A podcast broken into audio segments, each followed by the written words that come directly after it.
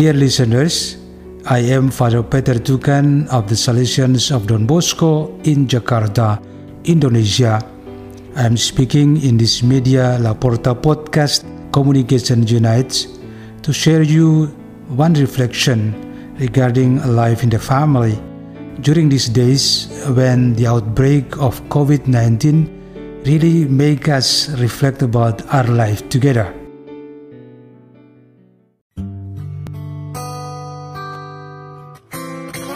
In a family, the husband is the head and the father.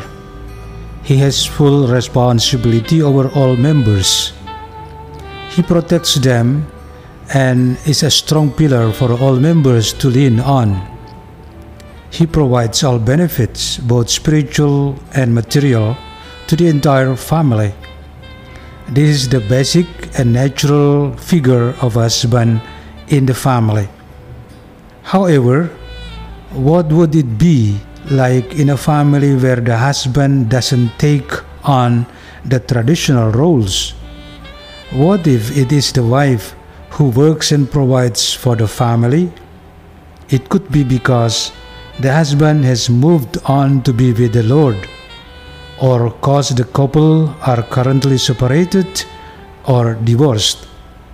This is the story of a wife who became the sole breadwinner of the family. This family was hit with a sudden and heavy blow about 10 years ago when the husband was laid off from work.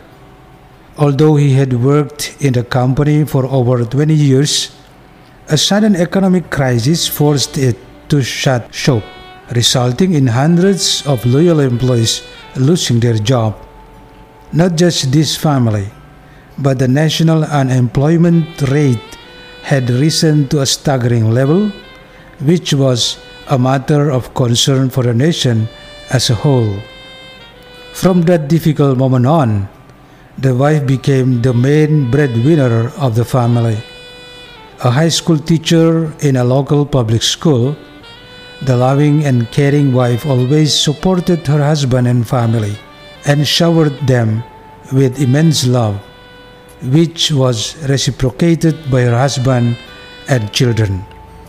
They strived to take care of her as well and ensure that she'd always remain happy and healthy. From that moment onwards, their main aim was to ensure that the matriarch of the family feels loved because she was sacrificing a lot for the betterment of her family. The woman, too, was extremely proud and grateful to her family for the affection and love they showered her with.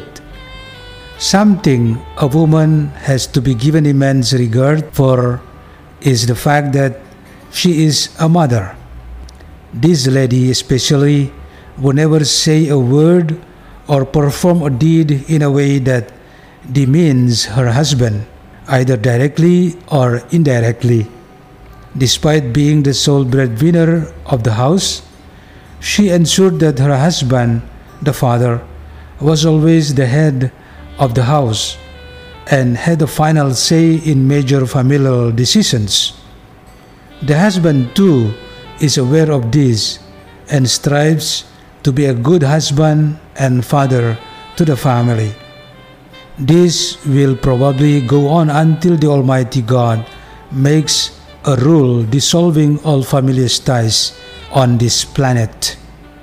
The real truth is that the existence of the husband as a fatherly figure and the head of the house cannot be replaced by anything in this world, be it material, worldly, or temporal gain.